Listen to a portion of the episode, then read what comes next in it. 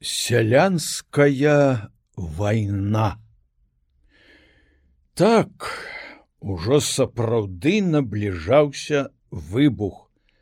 Набліжалася хмяльнічына.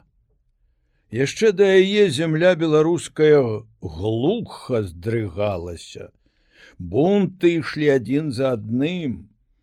Калі пасля бітвы пры жоўтых водах 6 мая 1648 года устала не толькі казацтва, але і украінскае сялянство, украінскія гараджане, выбух адразу перакінуўся на Беларусь. Зямля запалала. Першы летом 1648 года нібы на разведку прыбыў атрад шляхціца галавацкага са старадубскім апалчэннем. Загон гэты за колькі там дзён павялічыўся ў некалькі разоў, расшматаў панскае войска под гомелем і брагіным і адышоў да старадуба. Казакам стало ясно: ідзіце, не толькі не будзе ніякага супраціўлення з боку беларускага народа, наадварот, кіньце ў гэтую атмасферу гневу і нянавісці адзін хай сабе маленькі атрад устануць палкі. І пайшло. Праз пару месяцаў пачалі прыходзіць атрады. Не баба мехненка крывашапка гаркуша мікуліцкі паддубскі і іншыя. Няма сумнення што як сярод казакаў так і сярод ватажкоў у былі колішнія беларусы ўцекачы, якіх цягнула на паняволеную радзіму. Под восень 1648 года паўстала 9 десятых тэрыторыі Беларусі. Узніклі чыста сялянскія мясцовыя войскі, напрыклад, мурашкі на міншчыне, дзе сяляне пабілі і разагналі войска паца. Паны ўцякалі ў замкі гарады ў Польшчу, Перад паўстанцамі адкрылі брамы пінск, брагін, гомель, лояў.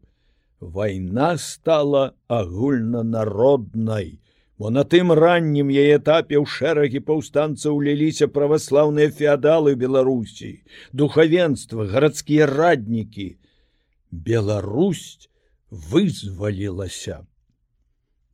І тут на лёсе паўстання адбілася тое, што ў яго не было, галавы, якая б думала, што трэба ісці далей, дабіваць, выгналі.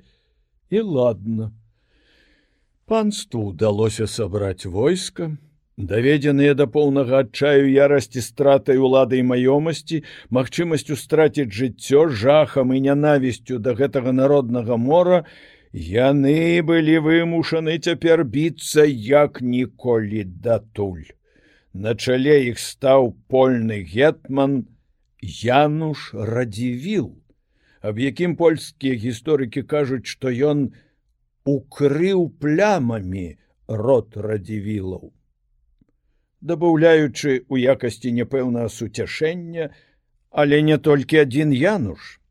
Фарміруюць войскі, наймаюць атрады шведаў немцаў венгерскую конніцу, швейцарскую пяхоту, пачынаецца зацятая апошняя барацьба. Разбіты пацы горскі, але казакаў і сялян адкінулі ад слуцкай крэпасці. Паўсталі рамеснікі пінска, перабіўшы паноў, войска пад началам мірскага рушыла на іх і тады жыхары паклікалі на дапамогу навакольных мужикоў і атрад нябабы. Уцякач войт ельскі паспрабаваў узяць горад сам, але паўстанцы адступаючы завабілі яго войска у засаду. Пад муры езуіцкага касцёла расстралялі з бойніц, ударылі ў тыль, сцёрлі ў парашок. Узніклі завалы барыкады, жыхарам абвясцілі, жыхарам абяцалі літасць, калі яны выдадуць казакаў згінем, але не выдадзім быў адказ. Пачаўся штурм, страшны сваёй лютасцю і бязлітаснасцю. Біліся муры, пасля вуліцы, пасля асобныя дамы. Горад тады падпалілі. Небаба вырваўся з яго, але быў прыпёрты да дрыгвы, загон яго не біўся цэлы дзень і згінуў да апошняга чалавека. А ў пінску все яшчэ ішлі сеча разня і забойства, якое не літавала нікога. Згарэла 5000 дамоў. Загінула больш за тры тысячи чалавек. Панскае войска яшчэ раней разбілі пад рэчыцай рагачовым, гаркуша штурмаваў быхаў, палкі паца былі разгромлены пад ігуменам.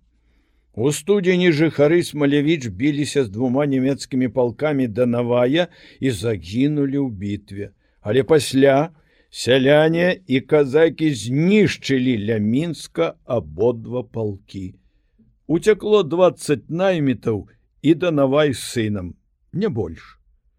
Все войска радзівіла рушыла на тураў мазыр рэчыцу ім трэба было раздушыць Беларусь і пасля нанесці ўздоўж дняпра удар у фланг і тыл хмяльніцкага першы пасля лютага супраціўлення загінуў тураў Ён і зараз невялічкае мястэчка амаль вёска жыхары мазыра не збаяліся і вырашылі стаять на смерть.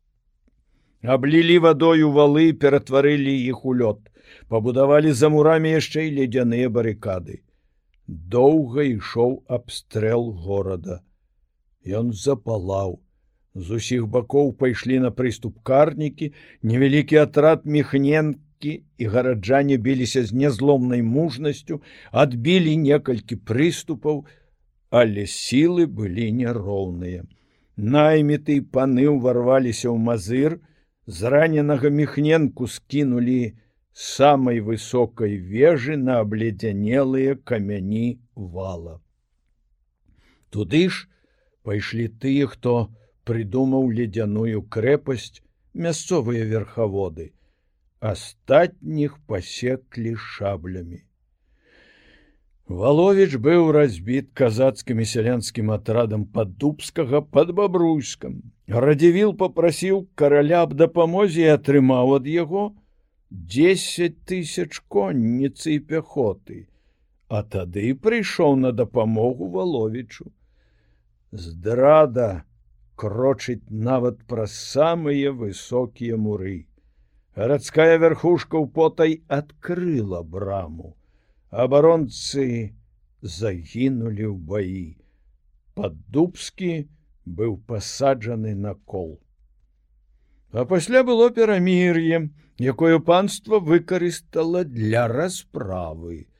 І аднак калі ў 1649 годзе прыйшоў з казакамі Ілля галота, у яго было 10 тысяч чалавек, а праз пару тыдня ўжо 30 тысяч разбіў радзівіла краіна зноў узнялася пасля прыйшоў сцяпан подбайла а пасля на дапамогу яму рушыў з украіны 15тысячны атрад казакаў і беглых сялян на чале якога стаяў асабісты сябар богдана адзін з лепшых яго военачальнікаў і блізкіх саратнікаў беларус міхал крычаўскі у той час пераяслаўскі і кіеўскі палкоўнік. Пачалася шматдзённая сеча. Спачатку ў полі, пасля за ляснымі засекамі. Прыкры выпадак дапамог амаль разбітаму радзівілу. Кавалерыя, пасланая ім адрэзаць крычаўскаму шлях з Украіны, палкоўнік падмануў іх і абышоў. Не знайшла яго, заблукала, і выйшла невядома як у левы флан ватажка под байлу які спяшаўся на дапамогу адкінули да дняпра уначы паўстанцам удалося таемна вылезці з завалаў і знікнуць праз лясы і балоты один маленькі атрад панству ўсё ж удалося дагнаць тыя не маглі бегчы везлі на возе ўсяго зраненага ва ўчарашняй сечы пераяслаўскага палкоўніка супраціўляліся шалёна крычаўскі лежачы страляў па нападаючых пасля выйшлі на боі, а казакі і сяляне, што біліся да апошняга ляжалі вакол пасечаныя. Здзіўлены смеласцю міхала, радзівіл прапанаваў яму пераход на службу. Крычаўскі плюнуў і раструшчыў сабе галаву ударам абкуты жалезам задок воза. Яшчэ год, патанаючы ў крыві, вспыхвалі паўстанні. Жыхары гомеля, сціслаўля, чачэрска, прапойска і іншых гарадоў і ў 1651 годзе не далі радзівілу прарвацца ў тыл хмельніцкаму, які наступаў. У ярасці гетман літвы Януш кішка сказаў: сіх беларусцаў і з існымі людзьмі перабіць.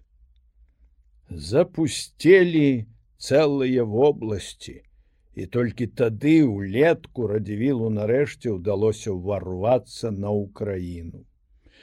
А пасля берасцечка белацаркоўская ўмова, а потым вайна войск цара Алексея з Польшчай і всякае ліха і шведскі потоп і мір з Польшчай. Гераізм гэтай сялянскай вайны дагэтуль захапляе нас, але быў і адваротны бок медаля спусташэння, захірэння гарадоў здратаваныя палі. Што зробіш по нашай прыказцы, бяда толькі рака красіць.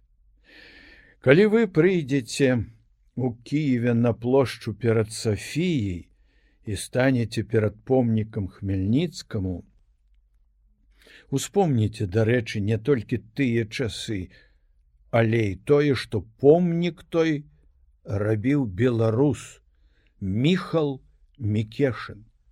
Аўтарскі праект, які палічылі дарагім, летае мадэль яго ёсць у мінскім мастацкім музеі, прадугледжваў пад капытамі гетманскага коня пана і езуіта, а вакол п'едэстала постаці кабзара, рускага мужика, казака і беларускага селяніна. По-мойму, все яны, заслужылі гэта права сваім гераізмам.